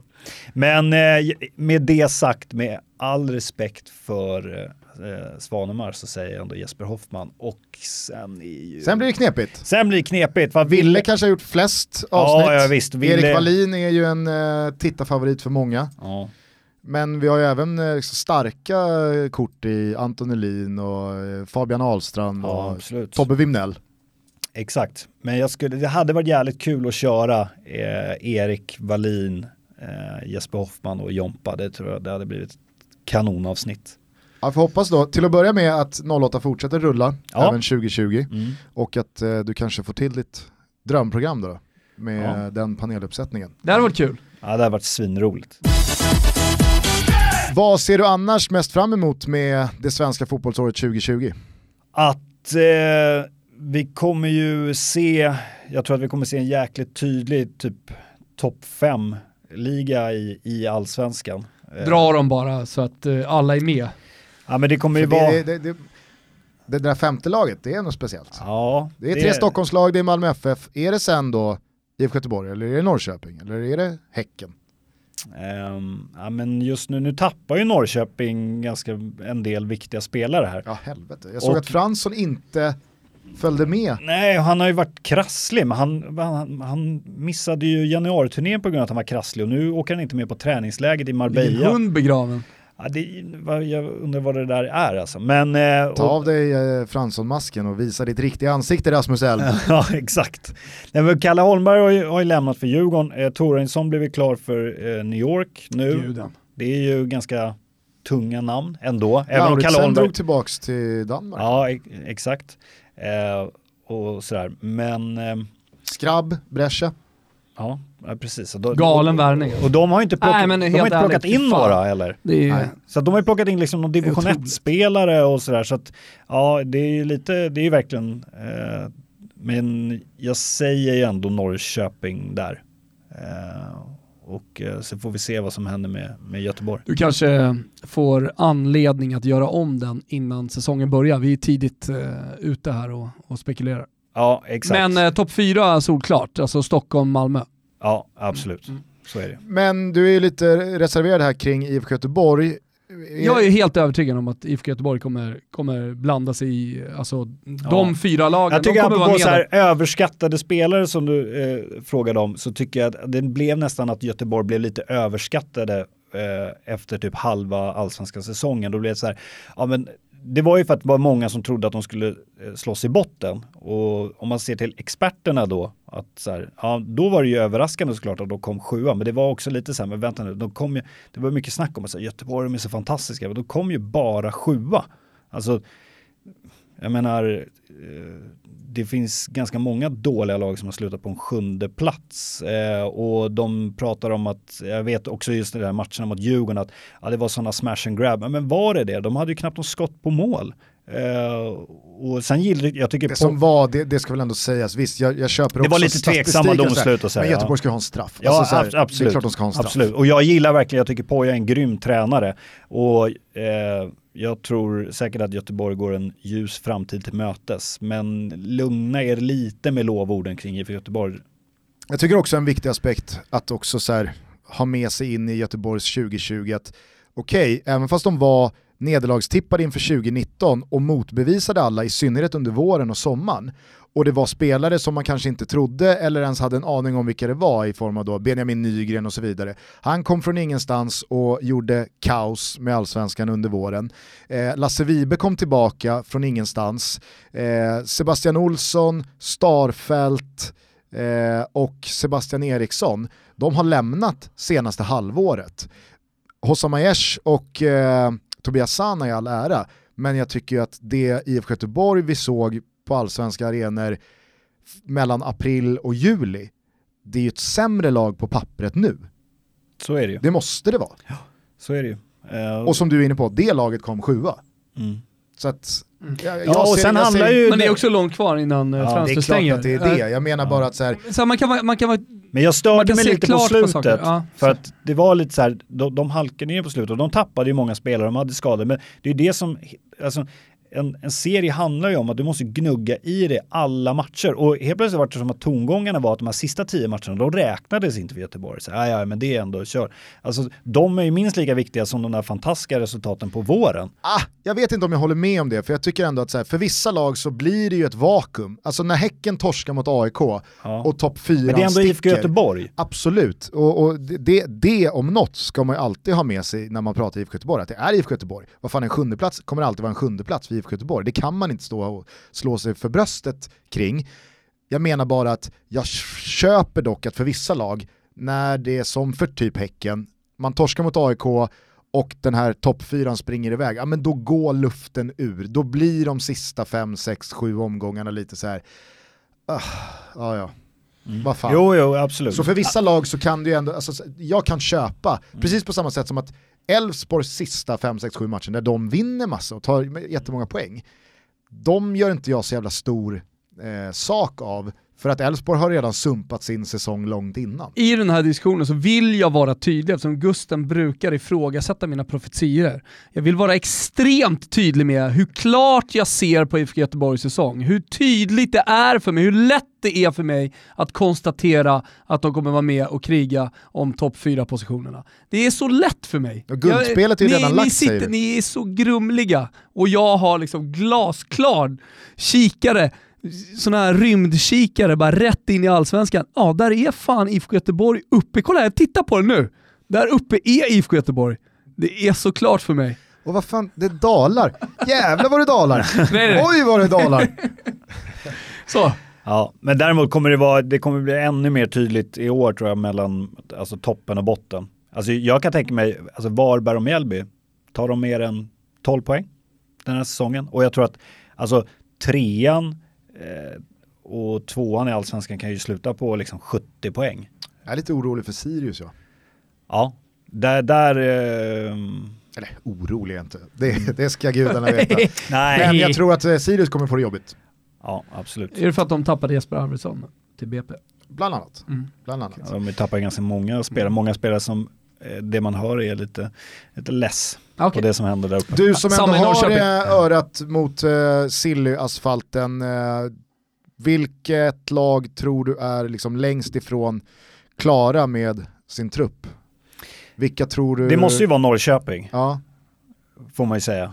Det är väl fullt Eh, realistiskt att tro att AIK ändå går för Alexander Milosevic och att det ska gå i lås. Ja, Ja, framförallt så väntar man ju ut att eh, Europafönstret ska stängas. Sen finns ju bara Kina-öppningen. Någon liten Turkiet-öppning också. Så här. Men så fort Europa är stängt, ja men fan, då, då, då kommer man nog sätta in eh, nästa stöt på Ja. Men jag tror inte AIK kommer riska så mycket och slänga så mycket feta stålar på spelare.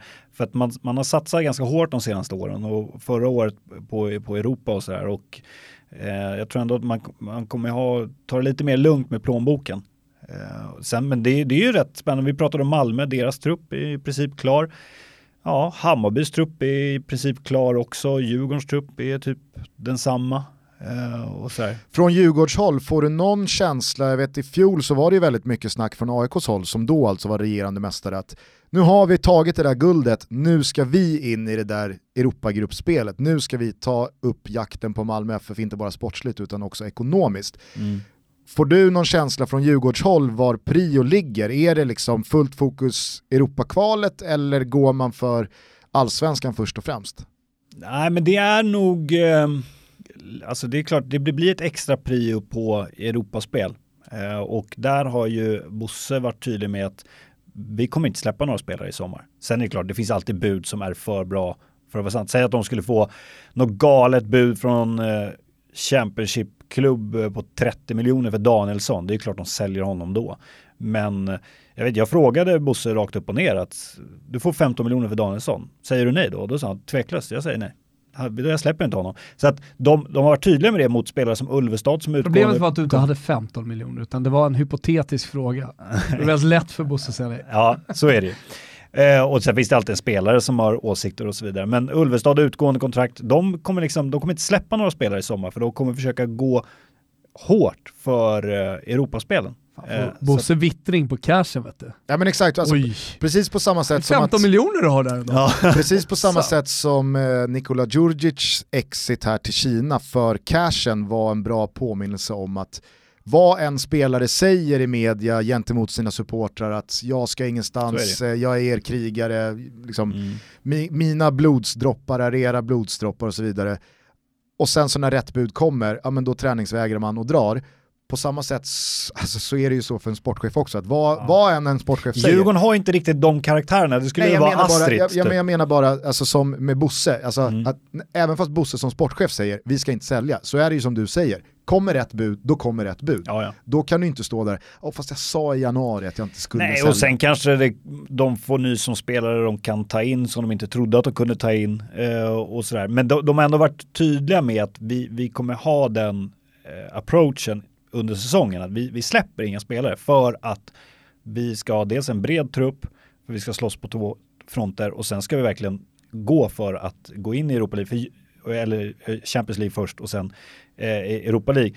För att Djurgården har ju inte så många, Djurgården har ju dragit in eh, sinnessjuka summor på eh, spelarförsäljningar, men det finns ju inte så många spelare i truppen idag som är potentiella sådana alltså, guldklimpar man kan sälja för riktigt dyra pengar. Nej. Det skulle vara typ om en sån som Chilufa får någon supergenombrott. Eh, men det har jag lite svårt att se att det blir så att det landar i någon monsterbud. Eller, eller som sagt, kanske att någon desperat eh, klubb behöver ta in en rutinerad back i form av Danielsson. Det skulle väl vara det. Men annars, så då är det ju då är det Champions League, Europa League man måste gå för för att få in de här pengarna. Eh, vi tar några korta lyssnarfrågor här bara. Mm. Simon Magnusson, han undrar om du har svårt att hålla dig neutral i 08-studion när de andra hetsar mot varandra. Nej, det tycker jag inte. Fredrik Lagerström, han undrar om du har pitchat någon gång förutom vid SM-guld, cupguld. Har du dragit på dig? Bara typ i något derby eller så. Eh, nej, det har jag aldrig gjort. Men det var du som sulade päronet. Ja, jag stod inte långt ifrån i alla fall. Vet du vem som sulade päronet? Nej, det vet jag inte. Tobias Mårtensson undrar om Var du... det Sefon som kastade päronet? Nej. Kolla med ögonen nu Björn. Nej, men det, nej, för att han och jag stod nog på samma sektion då det hände faktiskt. Men det, det leder mig till en fråga som jag ändå har. Eh, du vet ju att vi, vi har haft en ansträngd relation till några eh, djurgårdare på Twitter framförallt. Mhm. Ja. Det känner du till? Mm, Toto mm, mot mm, liksom. mm. Deep Box Fresh, eh, Open Air, Techno. De har varit lite Music. aggressiva mot er. Eh, nej men vi har, ja det, eh, exakt, och det får de jättegärna vara. Alltså, jag har ingenting emot det, tvärtom. Eh, eh, men min fråga... nej, nej, jag, jag har inga problem. Jag, Jag djurgårdare, jag djurgårdare runt mig överallt. Det, det enda jag har runt mig, det är djurgårdare och brudar. Ja. Southside, Eh, Southside Connection de där. Eh, ja men det var det, alltså min fråga är ju, det sämsta Djurgården har, är inte det Rönninge-Salem-falangen? Är det ändå inte det sämsta Djurgården har att komma med? Det är Sefons och Victor Johansson och Stork och Loff och, och hela den ligan. Technogänget där. Va? Va? Va? Det är ju dina polare ju. Är, jag undrar om det är det sämsta Djurgården har att komma med. Kan du bekräfta det? Nej, men de börjar ju bli lite gubbiga. Väl? Jag gillar Blackebergsgänget. Okay. Blackeberg Let's Go. Ja, det, det är Den fint. flaggan Det är älskar jag. Mm. Eh, och se på Tele2. Eh, då ska vi se, eh, Fredrik undrar vem din favoritspelare i Arsenal genom tiden är. Henry. Inte lika pikt svar som Griezmann. Nej, Fast exakt. vadå, det är också, det är ju... eh, man måste ju svara. Jesper Haglöf, han ställer en fråga som många andra också har annekterat här. Eh, Är han den bäst streetklädda fotbollsjournalisten? Hur nöjd är du med din look och din garderob? Om, om, om jag är den mest streetklädda, Ja. Bäst. bäst. Ja, Om man tar streetlooken, är du då den? Det är väl inte upp till mig att bedöma, men jag tycker ju, alltså kläder tycker jag, det är ju ett intresse jag har. Alltså, så här, jag, det tycker jag är jävligt roligt. Men tycker du att du klär dig 5 plus? Nej, jag, nej, alltså jag är jävligt eh, velig när jag ska klä på mig på morgonen. Jag tycker sällan jag får till det faktiskt. Men jag Vet- tycker att det är jävligt roligt. Vet du hur man vet att man klär sig kreddigt? Nej. Det är när Kristoffer Kviborg liksom hånar ens outfit. Ja. Ja, alltså, Då vet man att man är rätt på det. Samtidigt kommer Kviborg då, AIK hoodie, blommig skjorta. men snart kommer ju Kviborg bli kreddig. Ja, ja. Nej, men så alla, alla sådana personer hamnar i något läge, Ja. liksom under ett år Ja. eller så. Där Jag tror aldrig jag, jag, liksom, jag tror aldrig jag stött på Kviborg utan att han har kommenterat någonting jag har på mig. Nej. Vad är det där för arbetarskor? Och så här. ja, fattar inte att det är liksom senaste kollektionen. Eller. Eh, du, Christer Bergvall, han undrar, och det vet jag att några andra också har gjort, så här, om 352. Varför handlar det bara om Stockholmslagen när det ska vara en podd eh, för hela Jag undrar om det där nästan har blivit en så här en bantergrej på sociala medier, att de säger det bara för att irritera oss. Eh, och det var ju så kul att då hade vi Jesper Jansson senast inbjuden, men eh, vi, alltså, vi, bara på gäster så försöker vi, vi, vi är ju i Stockholm så det är ju svårt att få hit eh, liksom Jon Tomasson till studion, det, är- det är liksom svårt. Eh, men nej, det där är ju, alltså sen är det ju så här, de tre, Stock, eh, tre Stockholmslagen är ju topp fyra i Sverige. Så det är inte konstigt att de får mycket uppmärksamhet. Men sen vadå, vi pratar ju mycket om Malmö och Göteborg och Norrköping och eh, fan, vi har ju en, en smålänning i studion som kan prata rätt mycket Kalmar och, och sådär. Så att, nej, jag vet inte, det, där, det blir någon sån här låsning. Vem Johan Israelsson. Ah, Erik Israelssons brorsa. Ah, ja, ja. Mm. Lyssnar du på mycket? Lyssnar mycket eller? Nej, vi ser på 3-5 Ja. Ja, just det. Ja, nej, jag, jag kan också tycka att alltså, så här, någonstans så går det liksom inte att plisa alla. Jag menar, det, det kommer jag ihåg från mina första år med Eurotalk, att pratade man mycket Italien och Spanien, då är det så här, var är Tyskland? Varför blev det så lite Spanien i det här avsnittet? Och det är ju samma sak här i Toto. Ni pratar för mycket om det, för lite om det, för mycket om det. Alla har ju sina olika preferenser och skulle man slå ut det på antalet lyssnare, vad de vill höra om, ja men då är det klart att fler berörs av snack kring Stockholmslag, Malmö FF, IFK Göteborg, Norrköping och Elfsborg än att den stora majoriteten sitter där och varför, vad fan, varför pratar de inte om Giffarna, Halmstad och, och Örebro? Ja men alltså vår sista gäst för förra säsongen var ju Poya Asbaghi, så det är bara där. Men, men sen är det också så här, nu har vi precis dragit igång vår säsong för 2020. Vi har haft två avsnitt och då har det varit ganska eh, mycket action i, i Stockholmslagen. Eh, och sen har vi, vi liksom precis bara börjat. Så att, jag menar, vi kommer ju göra vad det blir, vad kan det bli, 30-40 avsnitt till den här säsongen. Så att det är klart att vi men sen får man ju ta till sig, man kan inte bara stånga bort det, bara skitsnack, skitsnack. Ibland får man ju faktiskt ta till sig också. Hörni, eh, fortsätt följa Björn i just 352, och se om det blir ändring på storstadsfokuset. Se honom även i eh, fantasy-tv som han gör tillsammans med mig och Jesper Hoffman under våren. Du har det lite motigt, ska vi säga. Ja, herregud. Det är nog min sämsta säsong på sen jag började tror jag. Ja. Går riktigt jävla skit Jag tänkte det. på det, vi pratade om det innan. Det kommer stora nyheter nu i din värld, på din arbetsplats. Är det någonting som vi ska prata om här eller ska vi skippa det och så får folk helt enkelt eh, vänta på, vad är det, måndag? Ja, precis. Det, det kommer lite förändringar så man får hålla utkik. Okej, så får man. Eh, Det kommer, alltså när, när som helst kommer information om Yes. Vi kan väl bara säga, lägg undan några kronor i månaden. det. Kan man göra, Ja, det kan om man man göra. gillar det vi gör. Ja. Gillar man det Dobb, eh, produktionsbolaget, gör så lägg undan några kronor i Vänta månaden. med swishen till Birro tills, ni, tills ni har fått den här informationen. Och sen så får vi då helt enkelt se hur det blir med 08 fotbolls eh, säsongstart. Ja, precis. Jag och många andra håller i alla fall tummarna för att ni snart är igång igen. Ja, det gör jag med. Eh, fan vad kul att du kom och gästade oss Björn. Ja, det var jättekul att vara här. Stort tack! Och sen så vill jag skicka iväg en rekommendation till alla som älskar italiensk och spansk fotboll att det i helgen återigen sänds kanonfotboll i Simors kanaler. Bland Mm. annat då Madrid-derbyt, Real mot Atletico, men också ett fint hatmöte söndag lunch, Juventus-Fiorentina. Mm. Eh, går ju tillbaka långt, till, långt i historien, kanske vi kan snacka lite om på måndag. Eh, och sen så ser det ju faktiskt ut att bli en rejäl, eller rejäl, men riktig svensk klubb i Parma just nu. Robin Olsen på väg, CP skadad. Eh, så att, eh, ja, det, det är både, eh, både, men Gagliolo, Dejan Kulusevski och Robin Olsen kan hamna i samma klubb. Och på fredag stänger fönstret för de flesta ja, ligorna. så är det. Så är. Vart Det- det- ska egentligen Edinson Cavani hamna? Ja. Det var deppigt igår. När Bruno Beck- Fernandes, vad hamnar han på? Hamnar han på 7,5-8 eller? I, fra- fantasy fantasy. Premier, League, Premier League. Han är klar för Manchester United. Ja men det kan nog bli 8 8,5. Hugger ni? Nej, 8. Nej. Nej! Nej, där avvaktar man. Där avvaktar man. Men ja. eh, innan vi stänger butiken, vi måste ju pusha för vår Toto-trippel till helgen. ja, Eh, Björn, Lyssna, Björn. du är också en... Eh, nu höll jag, spelare är vad han är. Ja. jag höll på att säga en rekare av rang. Som att vi är en rekare av rang. Eh, vi har haft lite motigt här i är januari, det har varit stolpe ut. Ja, så. Ja. Men, Men Björn det- går bra. Eh, så att vi får se vad du säger. Vi har i alla fall under godbitar och boostade odds hos Betsson satt ihop följande trippel. Rak seger för Real Madrid mot Atletico Madrid i det här Madrid-derbyt. Joao Felix out, bland annat. Eh, tillskansade jag mig här nu innan vi gick in i studion. Och Atletico Madrid ser ju hopplösa ut för dagen. Eh, Real Madrid tror jag bara vinner den här matchen hemma på Bernabéu. Sen så tror jag att Wolves inte förlorar på Old Trafford. Kryss 2. Och avslutningsvis så bidrar du Thomas med en rak seger för Inter borta mot Udinese med Christian Eriksen rätt in i elvan va?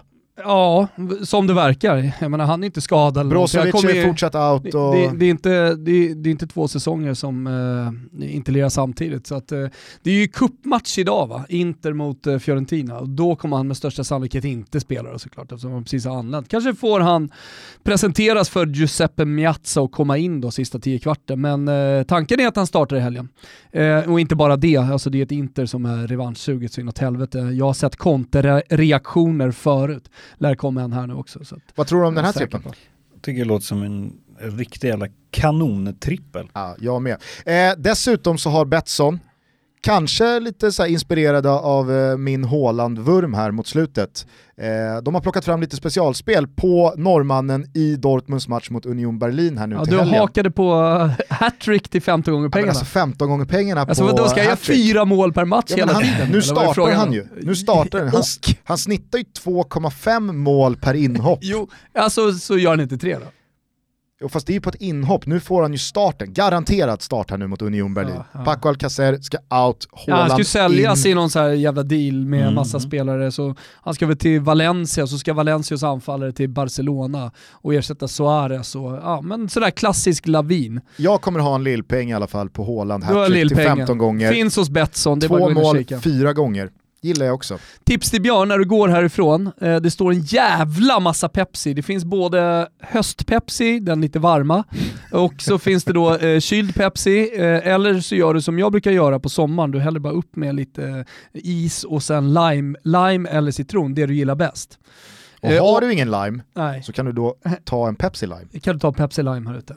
Det ska jag Mm, göra. Härligt, härligt. Vi ska ha en tävling med Pepsi vad det lider också. Vi ska tävla ut resa bland annat. Ja, och det hör ni mer om nästa vecka. Eh, nu så ber vi Björn Jonsson, eller Björn Letti, eh, att avsluta denna episod med en kreddig låt. Det är Du, techno. ly- du lyssnar inte på okreddig musik. Nej, det gör jag inte. Du lyssnar på musik jag var som på får ett Kristoffer Kviborg... skogsrave här för några Men veckor sedan. Björn lyssnar ju på musik som får Kviborg att säga vad är det här? Ja, Vad fan är det här? Ja, alltså, jag lyssnar på ganska många olika eh, genrer. Jag tycker, alltså, jag är inte låst vid någon. Men ska vi ta någon rejäl jävla techno-dänga? Ja, alltså, kör något som i andas Djurgården. Eh, vet du vad? Ja. Ta något som verkligen andas Southside Connection. Liksom. Rönninge, Salen, Falangen. I... Får jag bara fråga, alltså, jag, har aldrig, jag har aldrig riktigt fattat vad det här Djurgården och techno är. Alltså så här, vad, vad, vad är det? Men, alltså, jag vet inte, det är väl eh, så simpelt som att det finns en del djurgårdare som gillar techno mycket. Liksom. Och sen har det blivit någon, någon grej. Att Som man jag har, säger, man har, tag, Stork och gänget man har liksom tagit den flaggen lite så här. Det är eh, därför jag säger att det är Djurgården det sämsta Djurgården techno. har. Ja, men ty, alltså, jag vet inte, men ja, typ. Jag tror att det bara är så här, ja, vi, vi är ett gäng som tycker techno är nice. Och så har de gjort det. det till sin grej. Liksom. Men eh, alltså, vi, vi pratar inte liksom skoter och... Eller? Nej, utan... Eh, Sandstorm. nej, det är Nej, det inte. det är Sen finns det ju grejer. en kompis till mig då som, han är ju liksom inte så här hardcore djurgårdare, men eh, Jeremy Ölander som är en ganska så här kreddig eh, eh, techno-snubbe som lirar runt om i hela världen. Eh, och han är ju djurgårdare, men han är inte så, här så att han går på mycket matcher och så här. Men, men hans manager har säsongsplåt precis bakom mig och så här. Eh, Men alla de här som vi pratar om, de har ju en egen synt hemma, 303, så de gör egen musik Mm. också. Jo men det är så. Nej. Jo! Vilken låt blir det här nu då? Eh, Okej, men ska vi dra en, eh, en riktig... Nej, vet du vad? Vi gör så här. Jag gör en hel eh, sväng om. Ja. Eh, eh, Det blir Kviborgs 80-talsdisco. Nej, med tanke på en, en hyllning till, eh, Mode. till Marie Fredriksson som eh, gick bort Absolut. nyligen. Så finns det en kille, jag tror han också är djurgårdare faktiskt, jävligt duktig. Jakob Douglas heter han. Han har gjort en cover på Dressed for Success som är så jävla bra. Den, den finns på Spotify, kan man gå in och lyssna Och du på. är ju fan dressed for success. Tycker du det? Ja, så det passar ju. Ja, Jag tycker inte Kviborg och därför är man dressed for success. Om Kviborg inte tycker. Nej men den, är, den covern är verkligen, den är så jävla bra alltså. Då lyssnar vi. Yes, Spännande. och eh, så säger vi ciao tutti. Ciao tutti. Try to make it little by little. Try to make it bit for bit on my own.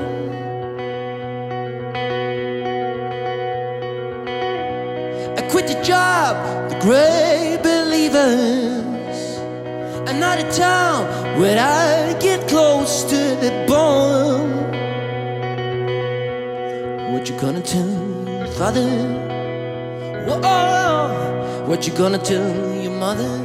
Oh, I don't know. What you gonna tell your sister? Let me go. Oh, oh. get dressed for success.